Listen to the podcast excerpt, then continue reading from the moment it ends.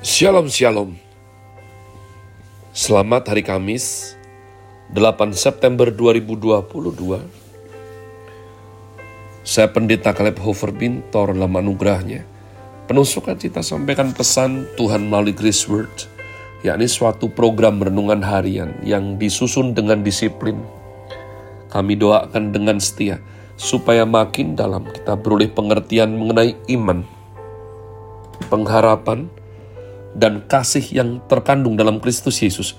Sungguh besar kerinduan saya bagi sekalian, agar supaya kasih dan kuasa firman Tuhan setiap hari tidak pernah berhenti menjamah hati, menggarap pola pikir, dan paling terutama hidup kita boleh sungguh berubah menuju Christ likeness berada dalam season autumn dengan tema bulan ini Suffering for the King. Grace Word hari ini saya berikan judul Daniel Fatsal 10. Sebab demikianlah komitmen baca kitab suci hingga habis.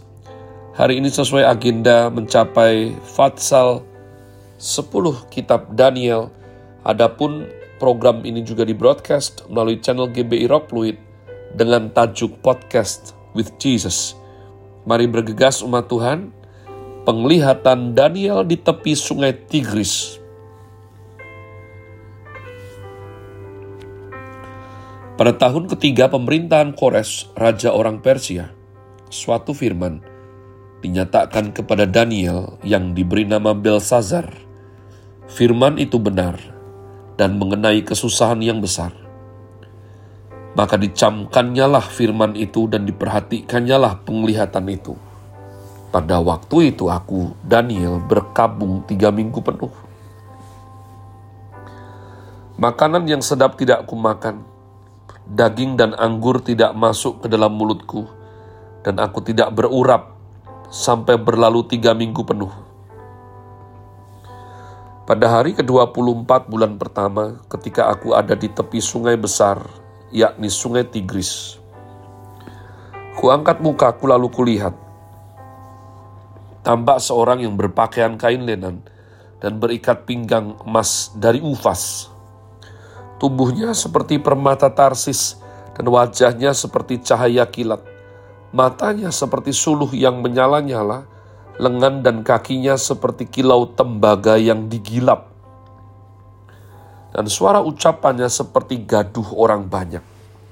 Hanya aku, Daniel, melihat penglihatan itu, tetapi orang-orang yang bersama-sama dengan aku tidak melihatnya, tetapi mereka ditimpa oleh ketakutan yang besar, sehingga mereka lari bersembunyi.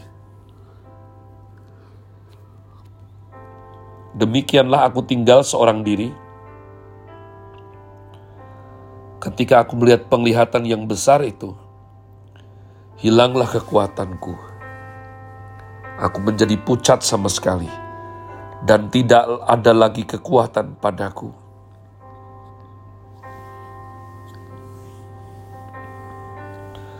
Lalu ku dengar suara ucapannya, dan ketika aku mendengar suara ucapannya itu, jatuh pingsanlah aku, tertelungkup dengan mukaku ke tanah. Tetapi ada suatu tangan menyentuh aku dan membuat aku bangun sambil bertumpu pada lutut dan tanganku. Katanya kepadaku, Daniel, engkau orang yang dikasihi. Camkanlah firman yang kukatakan kepadamu, dan berdirilah pada kakimu, sebab sekarang aku diutus kepadamu. Ketika hal ini dikatakannya kepadaku, berdirilah aku dengan gemetar. Lalu katanya kepadaku, janganlah takut Daniel, sebab telah didengarkan perkataanmu sejak hari pertama engkau berniat untuk mendapat pengertian dan untuk merendahkan dirimu di hadapan Allahmu. Dan aku datang oleh karena perkataanmu itu. Pemimpin kerajaan orang Persia berdiri 21 hari lamanya menentang aku. Tetapi kemudian Mikael, salah seorang dari pemimpin-pemimpin terkemuka datang menolong aku. Dan aku meninggalkan dia di sana berhadapan dengan raja-raja orang Persia. Lalu aku datang untuk membuat engkau mengerti apa yang akan terjadi padamu pada hari-hari yang terakhir. Sebab penglihatan ini juga mengenai hari-hari itu.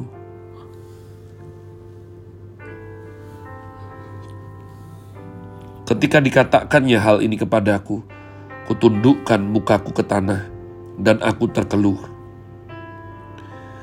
Tetapi sesuatu yang menyerupai manusia menyentuh bibirku.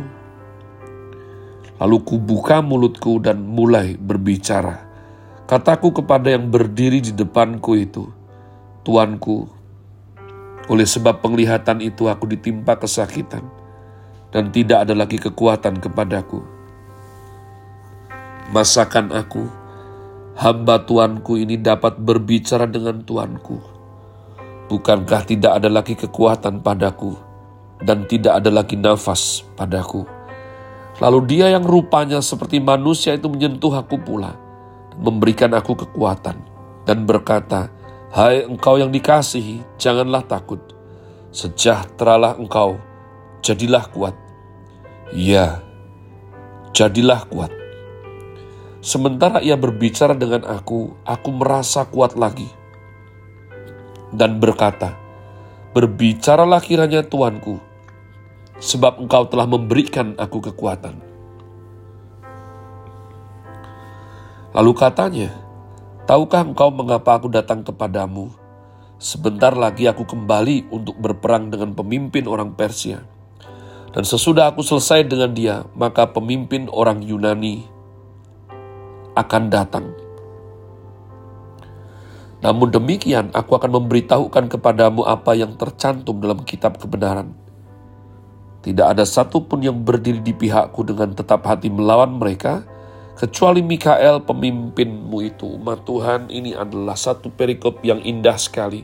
Memberikan gambaran dengan lugas dan tepat bagaimana dalam hidup ini selain daripada yang bisa kita lihat, selain kita memprihatinkan daripada Rusia dan Ukraina yang masih berperang sampai hari ini, mari kita berdoa supaya mereka segera ya untuk menemukan jalan keluar walaupun kita juga tahu bahwa itu merupakan salah satu tanda-tanda akhir zaman. Tapi jauh di dunia yang tidak kelihatan, peperangan rohani terus terjadi. Adalah menarik selalu dikatakan bahwa sejak hari pertama, sejak hari pertama engkau berniat, 21 hari, ya sudah didengar, sudah didengar. Umat Tuhan kau harus mengerti, jawaban doa itu butuh waktunya Tuhan. Selain daripada kedaulatan Allah, namun juga peperangan rohani yang tidak tampak oleh mata kita.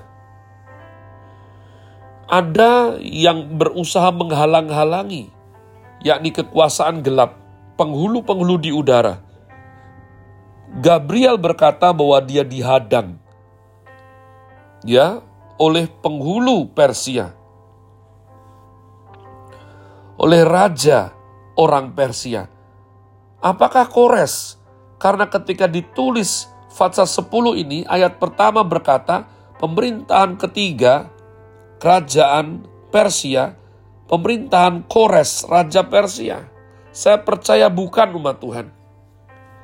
Tapi di belakang raja orang Persia ini ada roh. Ya, dan roh inilah yang mengendalikan Persia. Dan Gabriel dihalang-halangi oleh penghulu udara tersebut. Dari sini kita belajar dengan cepat umat Tuhan. Per, peperangan rohani itu serius. Dan bagaimana kita bertekun, kita berpuasa, kita bersungguh hati, itu diperlukan. Ya. Apakah kita berpuasa supaya Tuhan mendengar kita? Bego umat Tuhan. Tuhan Maha tahu, Tuhan Maha dengar. Kenapa kita berpuasa? Supaya kita dengar-dengaran suara Tuhan. Supaya rohani kita peka umat Allah. Jadi bukan untuk Tuhan. Jangan pernah berpikir bahwa kalau kita berikhtiar lalu berpuasa, lalu Tuhan sungkan. Ya, Tuhan tidak enak hati Aduh kamu kok sampai seperti itu sih mintanya. Oh no, ma Tuhan. Dia Tuhan. Mengertilah hal itu. Jangan terus dibodohi oleh pengajaran yang dangkal yang tidak betul-betul pelajari firman Tuhan. Dialah Alfa dan Omega. Tuhan tidak distir siapa pun umat Allah. Kehendaknya, kerajaannya yang jadi. Kita bisa berdoa sampai titik paling ujung. Tuhan kalau boleh, kalau boleh lalukanlah cawan ini daripada aku, kalau boleh. Namun kehendakmu yang jadi. Selalu seperti itu. Jadi kita tidak perlu puasa, Pak. Perlu. Tapi bukan supaya Tuhan sungkan. Kita puasa supaya kita terlatih. Terlatih dengar-dengaran. Rohani yang peka. Terlatih untuk disiplin. Ada stamina rohani. Ada kesungguhan hati. Dan umat Tuhan dikatakan ketika Gabriel dibantu oleh Mikael, ya, maka barulah dia bisa memberi jawaban kepada Daniel. Dan hal yang menarik umat Tuhan, bahwa semua proses ini memberikan Daniel kekuatan. Memberikan Daniel urapan untuk mendengarkan dan untuk melaksanakan firman Tuhan. Kalau boleh saya tambahkan sekaligus langsung dari Fatsal 11 ayat yang pertama yang merupakan bagian dari Fatsal 10 seperti dahulu, aku juga mendampinginya untuk menguatkan dan menyokongnya, yakni pada tahun pertama pemerintahan Darius orang media itu. Umat Tuhan, peperangan rohani ini berlangsung dari dulu manusia jatuh dalam dosa sampai nanti iblis dikunci dalam gua lorong yang bernama Ebis untuk selama-lamanya. Maka jadilah kuat. Be strong in Jesus name.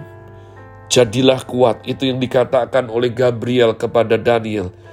Engkau dikasihi, engkau disayang Tuhan, jadilah kuat. Have a nice day. Tuhan Yesus memberkati saudara sekalian. Sola. Grazie.